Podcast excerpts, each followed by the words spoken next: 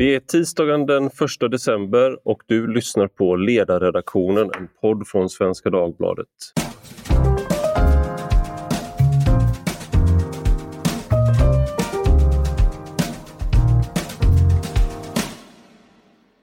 Jag heter Ivar Arpi och idag ska vi prata om skolan. Det har varit en debatt som har kommit och gått och i våras så släpptes en utredning om eh, från regeringens utredare eh, om en likvärdig skola och hur vi ska uppnå den. Men samtidigt så pågick pandemin så den debatten kom inte igång då.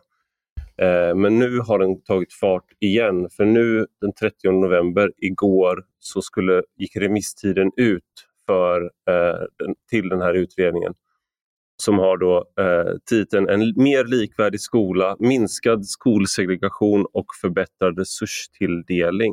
Och den är skriven av Björn Åstrand. Och med mig för att prata om inte bara den här eh, utredningen utan även om vinsterna i skolan, skolsegregationen och likvärdigheten har jag Linnea Lindqvist. Välkommen! Du är, eh, och du är rektor på Hammarkullsskolan i Göteborg ska jag säga också. Precis och PM Nilsson som är politisk eh, chefredaktör på Dagens Industri. Välkommen! Tack så mycket! Jag tänkte att jag skulle börja med dig Linnea. Eh, du skrev en, eh, en debattbok som kom i augusti i år som heter En tickande bomb. Jag tänkte att du skulle få den eh, inte så kreativa frågan, vad är den tickande bomben i skolfrågan enligt dig? Enligt mig så är den tickande bomben att vi att vi har skapat ett skolsystem de senaste, alltså sedan 92 när friskolereformen infördes, där elever från olika bakgrunder möts i allt lägre utsträckning. När vi samtidigt som i 97 när, när det blev den allmänpolitiska uppgörelsen och eh, det blev likvärdig skolpeng mellan fristående och kommunala huvudmän så har skolan blivit allt tydligare marknadiserad.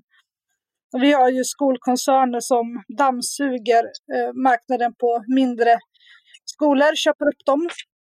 Så att nu har vi skapat ett skolsystem som är ja, i princip fullt ut marknadiserat och det får jättestora konsekvenser för elever och alla som arbetar i skolan och det är det jag menar då för, för, även för samhället. Att om vi inte löser det här att elever börjar lära sig fungera tillsammans från olika bakgrunder, då, ja, det menar jag är en tickande bomb.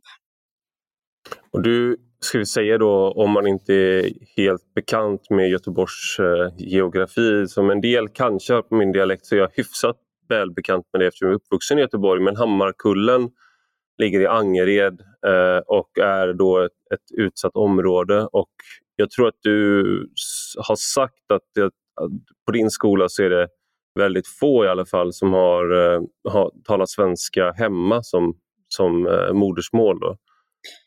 Precis, om man, jag har ju 85 procent av eleverna är det, har båda föräldrarna en annan bakgrund, så att säga, de pratar ett annat språk. Men om man mm. tittar på de elever som, som har ett annat språk hemma så är det ungefär 90, eller det är 99,1 procent. Det är, det är en handfull elever som har två föräldrar som har pratat svenska hemma. Vad, om man då är rektor på en sån skola, vad är, vad är utmaningen för dig om man jämför med en skola där det omvända hade varit sant så att säga? Alltså att 99,1 procent hade svenska som modersmål hemma. Vad är det som gör, vad är din utmaning här? Men min utmaning är ju, det är språket framför allt. Vi jobbar ju jättemycket med att eleverna ska utveckla ett, ett rikt ordförråd. Och det är väldigt svårt att göra det när de vistas i en miljö där svenska är minoritetsspråk. Så att lärarna får, ju, får jobba väldigt, väldigt hårt liksom på alla fronter med språket och bygga ordförråd tidigt. Jag tänker en, en sak här som utredningen har varit inne på och som finns här i bakgrunden när vi pratar om det här, det är ju i skolsegregation och som hänger ihop med boendesegregation. Eh, då är det det här som Åstrand föreslår i sin utredning och det är det här med en allsidig social sammansättning, att man aktivt ska verka för det. Är, är, vad, hur ser du på det? Är det, liksom en, är det det, för att om man skulle uppnå det då, då att man får, skulle man kunna få till exempel få ner andelen som inte talar svenska hemma med 20 procentenheter, skulle det underlätta ditt arbete på, som på Hammarkullsskolan? Ja, alltså den delen, där pratar man ju inte om att man liksom ska lagstifta om det, utan vi har ju den, eh, bostadssegregationen är ju ett jättestort problem. Och det kan vi inte lösa här och nu. Det är liksom en väldigt långsiktig. Men det vi kan göra är ju att, att rätta till de fel som skapades efter friskolereformen. Det kan vi ju ganska lätt i riksdagen rätta till med Björn Åstrands förslag. Vi kan i alla fall liksom sätta bollen i rullning. Och det, vilket vi, förslag är det som, som du tänker på då? Nej, men han pratar ju mycket, eller skriver, de skriver ju mycket om det här som också jag håller med om, att, att det är problematiskt när barn från olika bakgrunder inte möts. Och det behöver vi börja komma till rätta till. Och det är också klart en jättelång process. Det kommer vi inte göra de kommande åren, kanske inte de kommande tio åren heller. Men vi måste i alla fall börja tänka kring hur vi kan skapa alltså mer blandning av elever. Och där är ju förslagen om skolval kommer ju hjälpa, tänker jag. Och förslagen om sänkt skolpeng till enskilda huvudmän, friskolor då, kommer ju också bidra till det. Men det är ett, det är ett väldigt, väldigt långsiktigt arbete. Men vi måste i alla fall börja diskutera hur man skulle kunna göra det. Jag tänkte på det, jag var föreläste för ett ganska stort gäng gymnasieungdomar för ett tag sedan. Och då var det en där som sa det att första gången jag träffade andra ungdomar som pratade liksom bra svenska, det var gymnasiet, alltså var född i Sverige. Så att vi måste ju liksom, barn från olika bakgrunder måste börja mötas och lära sig fungera tillsammans. Det är jätte, jätteviktigt för samhället om vi vill ha ett öppet tolerant Eh, PM, du skrev en ledare igår eh, med rubriken Elevernas uppgift är inte att producera jämlikhet. Jag tänkte jag skulle vara lika kreativ i min fråga till dig och, fråga dig eh, vad du menar med det. Ja, vi kan väl eh, börja resonemanget där, eh, där Linnea verkar och arbetar. Eh, och om man då tar Hammarkullen och den skola som vi hade på 1980-talet så hade ju ingenting varit annorlunda med dagens situation. Så att vi aldrig skulle ha infört någon friskolereform, de stora aktiebolagsskolorna hade aldrig kommit, så hade situationen i Hammarkullen varit exakt densamma. Det enda som hade varit annorlunda är att inte en enda elev på Hammarkullen skulle haft någon som helst möjlighet att gå på innerstadsskolorna eller på andra skolor i Göteborgsregionen för att man hade inte haft något fritt skolval. Och det hade inte funnits några alternativa skolor att välja.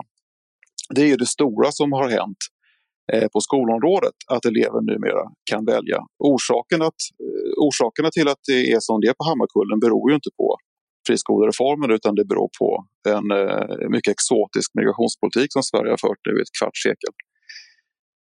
Och om man vill undvika den här segregeringen som Linnea berättar om så ska man ju minimera den typen av sociala processer, tror jag. Sen när jag läste Björn Åstrands utredning så eh, blev jag allt mer förfärad över eh, det stötande grundresonemanget. Han eh, drar ju eh, den eh, historien som Linnea gör eh, och eh, skriver utan omsvep att eh, den, den största ojämlikhetsskapande faktorn i dagens skolsverige är den höga migrationen.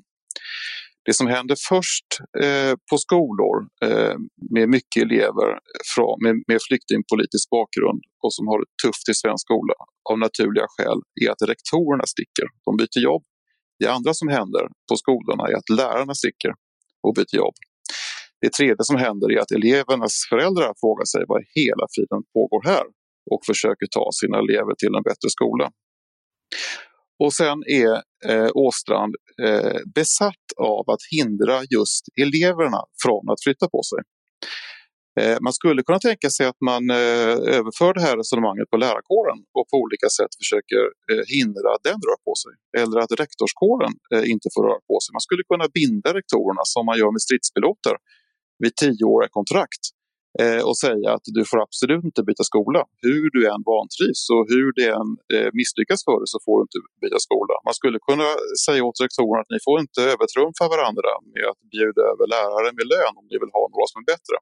Man skulle kunna låsa hela klientelet. Då ser man liksom hur bisarr den här tanken är. Det finns ju inte ett enda lärarfack i en enda svensk kommun som skulle gå med på det.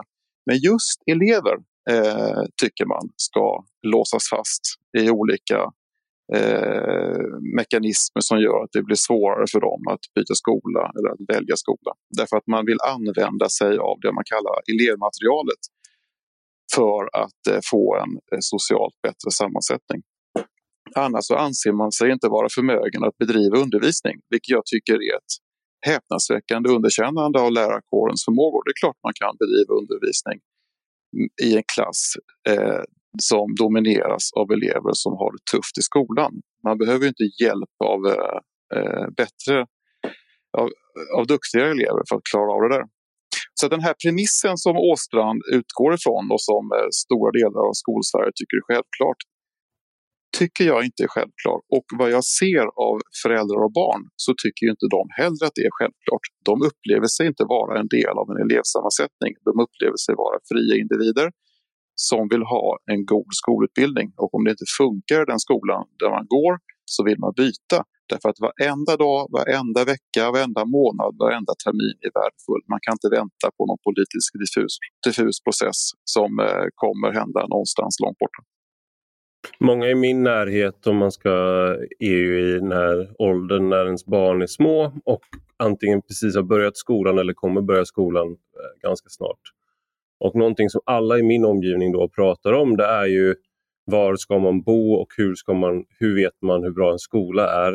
Eh, och du tar i din ledare exempel just från, eh, från Ludvika då, eh, mm. tar du som och att man, att man vill, det finns, det är vackert, det, det är billigt, billig villa, man, äh, vintersport, sådär. men man är också bekymrad. Du tar, Ludvika som ett exempel, men man kan ta många andra exempel. Mm. Eh, och då är det, ska man flytta eller ska man, byta, ska man flytta och, till en större ort för där kanske det finns bättre skolor? Eh, eller ska man börja Eh, ska man byta jobb och flytta längre till en längre söderut och sådär. Och det här är liksom någonting som, det här är ju så som människor pratar om de här sakerna. Och jag kommer ihåg jag frågade, eh, jag skrev om det här tidigare i år innan utredningen hade kommit. Eh, och då så ställde jag en fråga på Facebook och då fick jag en, ett svar från en en vän där som skrev att skulle de försöka tvångsintegrera mina barn skriver vi oss i grannkommunen och ser vilken skola vi får då. Blir det bra säljer vi huset och köper där, annars testar vi nästa kommun. Och Det här mm. tänker jag liksom gå till kärnan av problemet att folk å ena sidan sitter Åstrand och eh, vi som kollar på samhället kanske då, om, om vi räknar in oss själva och kollar på olika indikatorer och liknande eh, och ser hela samhället och vad vi skulle vilja uppnå med det. Och andra, men som förälder så sitter man och har man ett väldigt mycket mer specifikt intresse. Mm. och, och det är svårt att hitta eh, jämvikten där. Eller, hur tänker mm. du? Ja, nej, men man, man har inte... Alltså, barn med ambitioner och föräldrar med, med ambitioner för sina barn har inte tid att verka för ett sammansatt elevmaterial i skolan. Man har jättebråttom med att lära sig allting som behöver gås igenom i grundskolan för att sen eh, komma in på ett bra gymnasium och sen en bra universitetsutbildning. Sveriges mm. ekonomi är ju jättepressad av, eh, av global konkurrens. Det vet ju alla som jobbar i industrin hur extremt viktigt det är med utbildat folk. Och det känner ju alla av som lever i de kluster i Sverige som är eh, konkurrensutsatta i någon mening Det finns inte en möjlighet att man skulle ägna åratal i skolan åt att försöka absorbera en social chock som vi kallar migration. Vi hinner inte med det. Vi ska lära oss matte, tyska, engelska etc. etc, etc. Det är det som eleverna har till uppgift. De har inte till uppgift att verka för något jämlikhetsmål. Jag tänker Linnea, hur ser du på det här resonemanget att, att man använder elever som, vad ska man säga, eh, eh, tidigare kunde man prata om kuddflickor till exempel som satt mellan stökiga pojkar och att vi nu då kanske tänker oss eh, elever som har svenska som modersmål, pratar bra svenska ska man använda då för att få skapa bättre integration för Eh, de som har migrationsbakgrund eller, eh, eller bor i ett utsatt område där inte svenska är modersmålet. Hur, tänker, hur ser du på, på det här? Jag tycker att det är väldigt tröttsam argumentation. För det för första så har det ju väldigt lite liksom, verklighetsförankring i skolan. Eftersom skolan handlar ju inte om individer. Vi har ju liksom stordriftsfördelar i skolan. Vi undervisar ju klassvis. Vi undervisar ju inte en till en. Så ska man tänka att skolan handlar om om individer, då får vi börja ha klasser på en elev och en lärare och det har vi ju inte. Och det är klart att det, i, det är, klart att det är bättre för elever att de har kompisar med olika bakgrunder.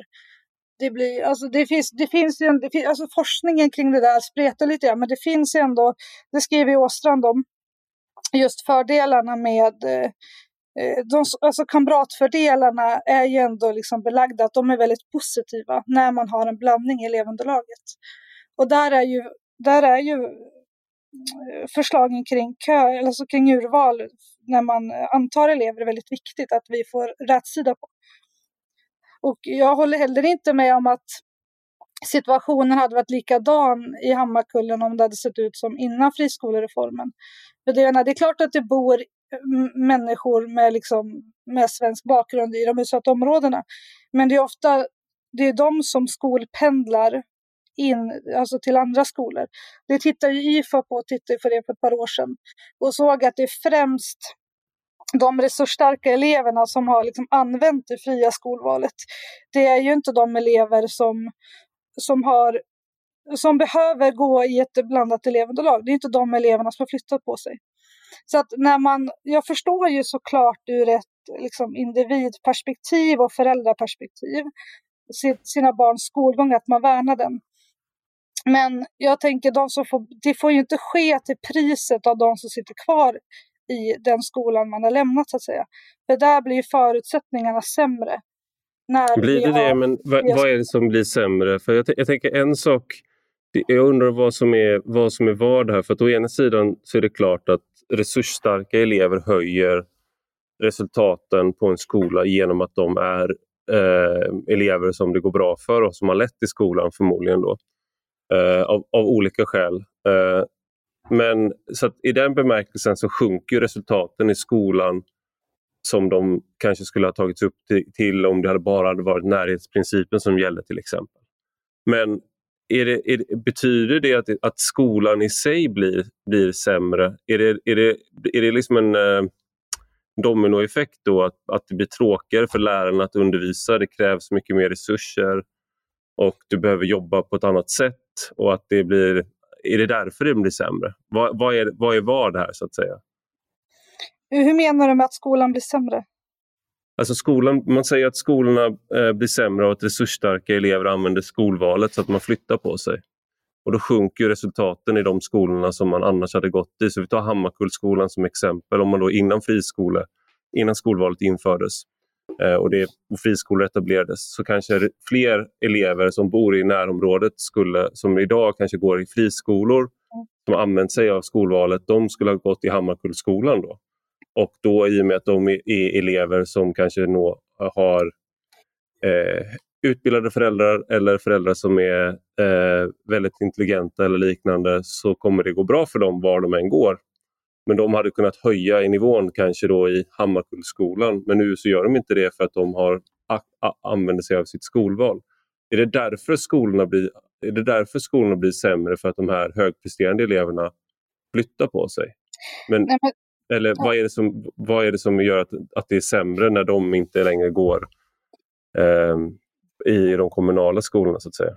Men alltså kamrateffekterna, anledningen till att det är så viktigt, eller som, som Åstrand också skriver, det handlar ju inte om främst om skolresultaten och eh, utan det handlar ju väldigt mycket om, om den sociala sammansättningen på skolan. Alltså det handlar om, till exempel, jag har ju klasser där jag har elever där båda föräldrarna har svenskt eh, modersmål. Och då märker man ju att eleverna liksom bara genom att de umgås, de pratar vid mat, eller pratar på rasten och så vidare, de får ju ett bättre ordförråd och det hjälper dem med deras kunskapsutveckling. Och det handlar inte om att elever ska, ska liksom ha ansvar att lära andra elever saker. Det handlar om att de behöver verka tillsammans. Bara att, liksom, att umgås, så att säga. det är det som är, en, som är så himla viktigt i skolan. Och att vi behöver, vi behöver tänka, skolan är ju en gruppaktivitet. Skolan är ju inte, vi har ju inte undervisning en till en. Det är inte så vi organiserar skolan i Sverige. Så att den här tanken på vad händer, varför ska de här barnen behöva eh, lära andra barn förs det fram ibland i debatten. Det är, liksom, det, det är inte så skolan är organiserad och uppbyggd i Sverige. Vi jobbar ju inte en till en, vi jobbar ju klassvis. Och då behöver elever från olika bakgrunder gå i de klasserna jag håller verkligen inte med om det där. Eh, och skollagen är ju entydig med att det är individen som står i centrum för skolans verksamhet. Det är individen som har rätt att få den bästa möjliga undervisning som, eh, som hon kan få. Och det är individen som får betyg eh, som sen ska gälla för resten av livet. Det är inte klassen eller skolan som får betyg utan det är, den, det är individen som bedöms. Och det är individen som gör arbetet med sitt, sitt lärande.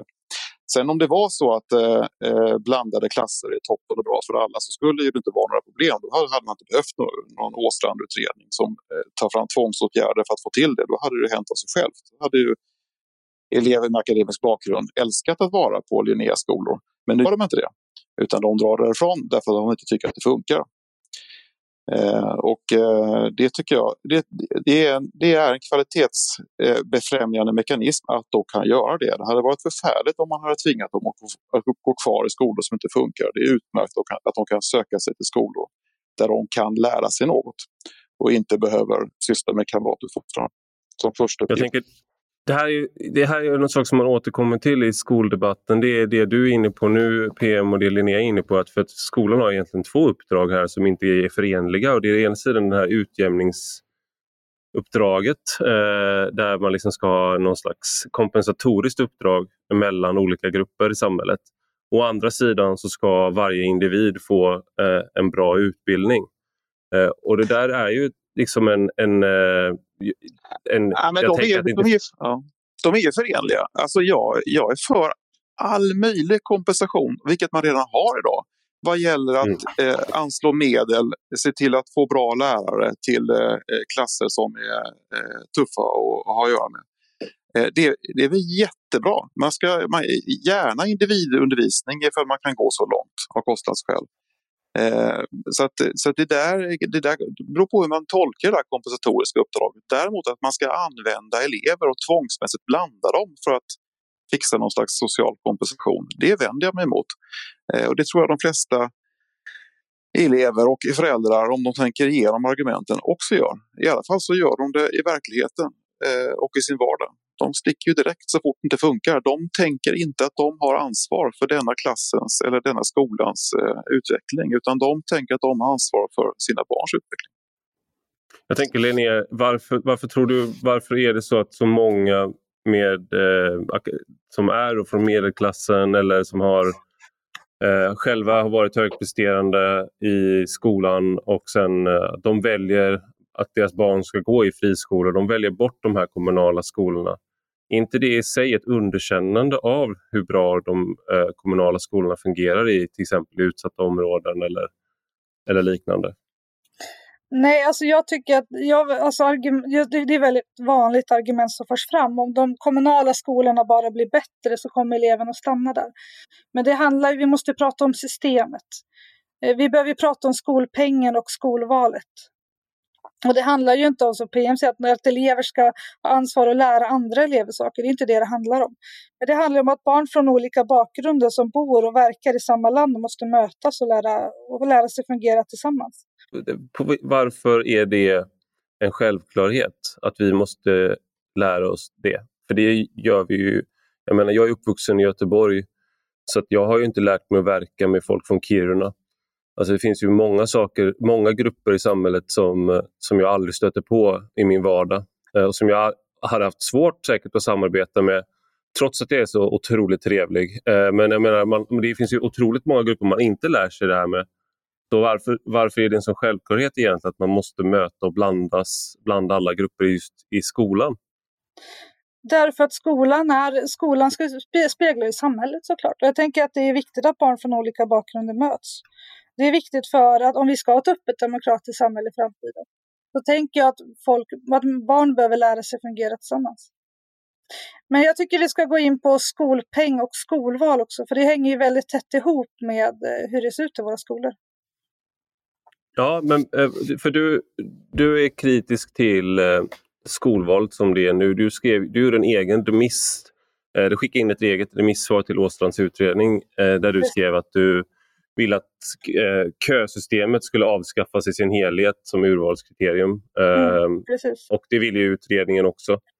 Men försvinner inte möjligheten för föräldrar att välja skola då i realiteten? Nej, alltså det där är också ett missförstånd som många tror. Och det är samma som man säger att nu ska vi tvinga barn att blandas. Det är, inget, alltså det är ingen kommun som kommer beställa bussar nästa vecka och börja skicka barn mellan skolorna. Men vi måste ju sätta igång processen och börja tänka hur man ska kunna blanda elever. Och kösystemet är ju, det är ju segregerande, det vet vi ju att det är så. Och det är, problemet är också att att nu kan man ställa sina barn i kö i princip när de är på BB. Vilket gör att, att alla har ju inte samma möjlighet att ställa sig då i kö till olika skolor. De som är födda i januari har ju, inte, har ju bättre chans än de som är födda i november till exempel. Så att kösystemet behöver ju eh, behöver ersättas med en annan, eh, ett annat antagningssystem.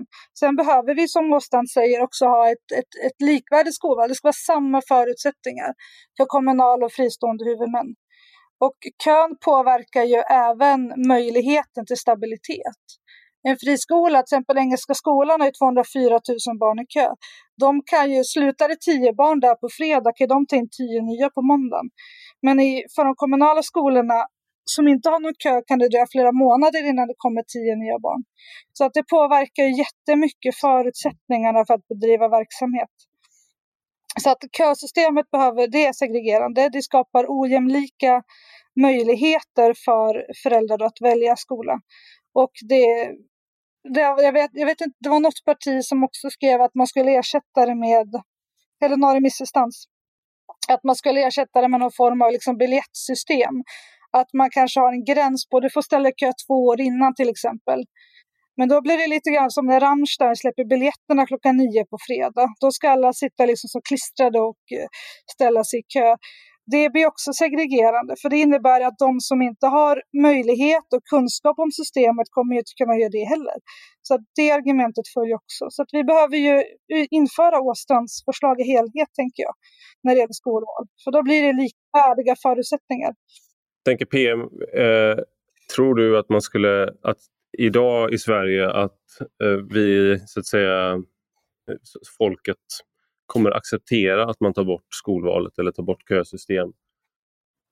Eh, skolvalet, eh, det har jag inte sett ens att eh, en sån som Åstrand vågar föra fram att man ska ta bort. Va?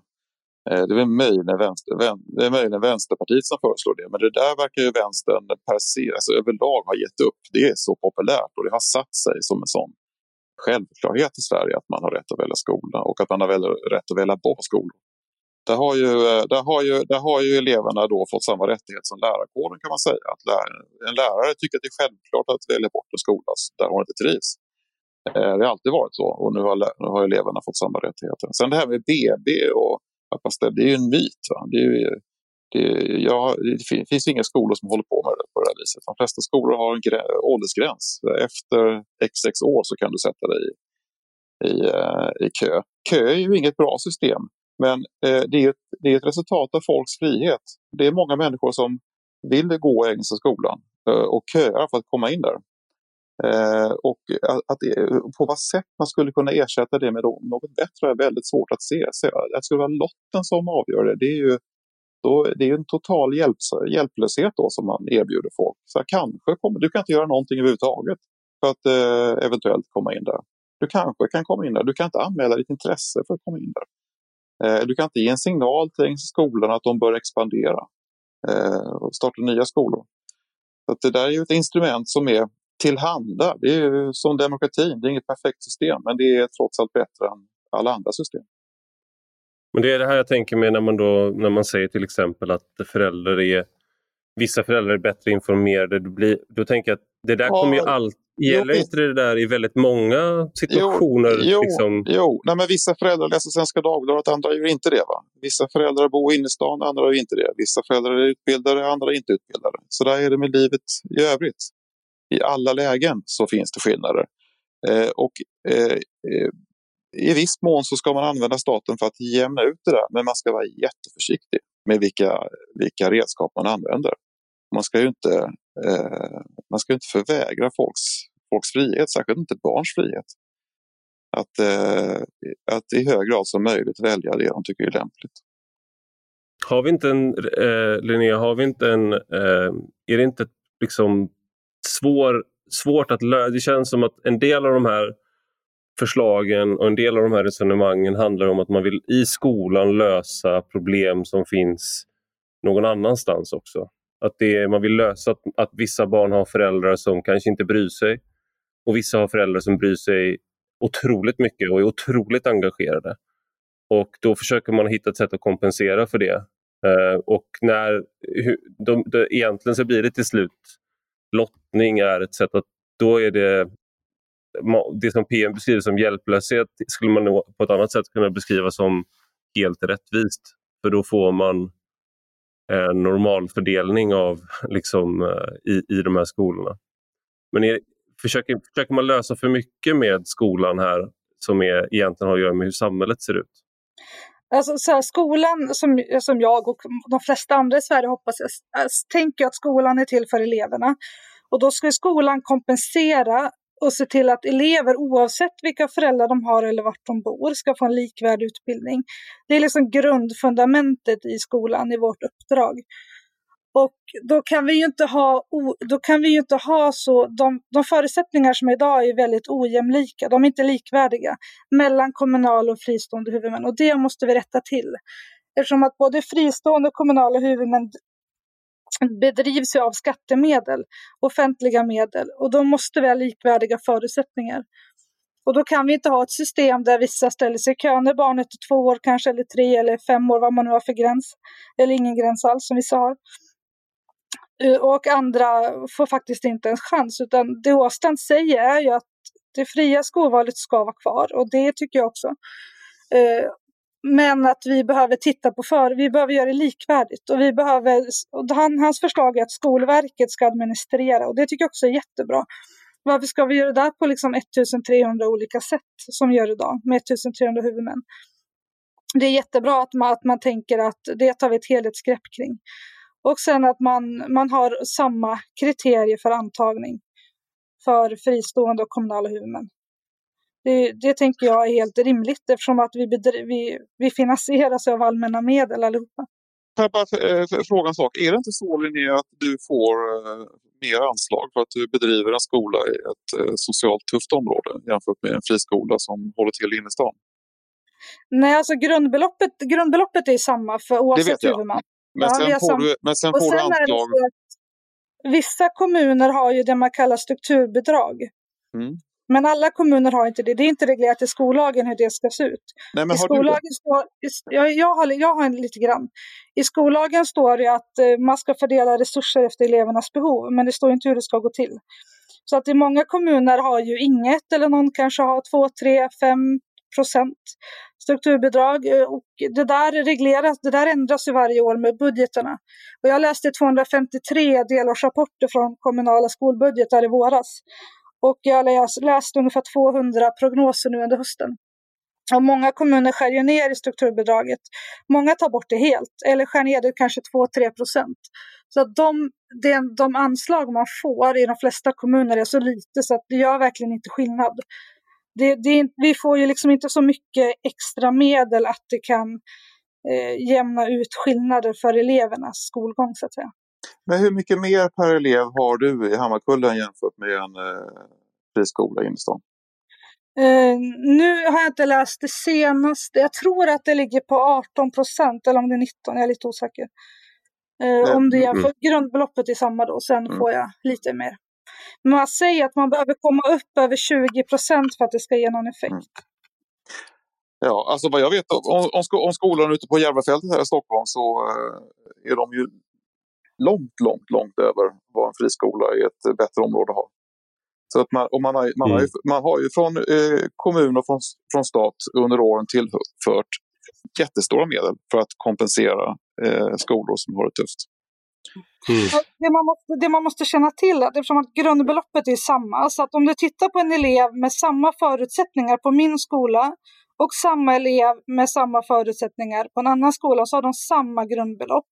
Jo, det är en sak, men sen får man ju extra betalt om man har tuffa elever även om de har samma belopp så har ju kommunen ett mer omfattande uppdrag, vilket gör att kommunerna, även om vi har ett strukturbidrag i vissa kommuner, alla har det inte, så är den kommunala skolan underfinansierad. Och det vill ju Åstrand börja en process att rätta till med en skolpengsreducering för enskilda huvudmän. Och det tänker jag är det absolut viktigaste förslaget i utredningen och det måste drivas igenom. Det är, ändå intressant, är det, det, är ändå, det är intressant att, uh, att du och dina gelikar vill minska anslagen på vissa skolor istället för att säga att man ska höja anslagen på din skola. Det du skulle säga är till Göteborgs kommun att ni måste anslå mer pengar. Det är ju det viktigaste. Det andra du borde säga är att du likt ett kustjägarkompani har den tuffaste Eh, Eh, uppgiften i hela skolsverige och därmed den svåraste och därmed den coolaste och du betalar bäst och du ska ha de bästa lärarna och det här ska lyckas. Lägg ner det här gnället på era konkurrenter och på friskolor. Det är ju inte det som är problemet. Problemet har du framför fötterna och det är du och dina kollegor som ska lösa det. Du kan inte, eh, den här fixeringen vid vad andra gör och vad privata alternativ gör och vad eh, elever funderar på att de ska välja istället. Det leder ju bara fel. Det är ju du som har uppgiften i dina händer. Det är där du ska ha din koncentration. Du får gärna svara på det Linnea, sen så tror jag att vi får dra ett streck för nu börjar vi närma oss slutet. Ja, nej men jag, jag förstår, det, alltså vi är inte överens såklart, vi har olika syn på skolan. Eh, och det är klart att man kan tänka att skolan skulle handla om skolan i Hammarkullen eller Bildal, men skolan handlar, vi måste kolla på förutsättningarna. Vi har ett dåligt och trasigt skolsystem som måste ändras.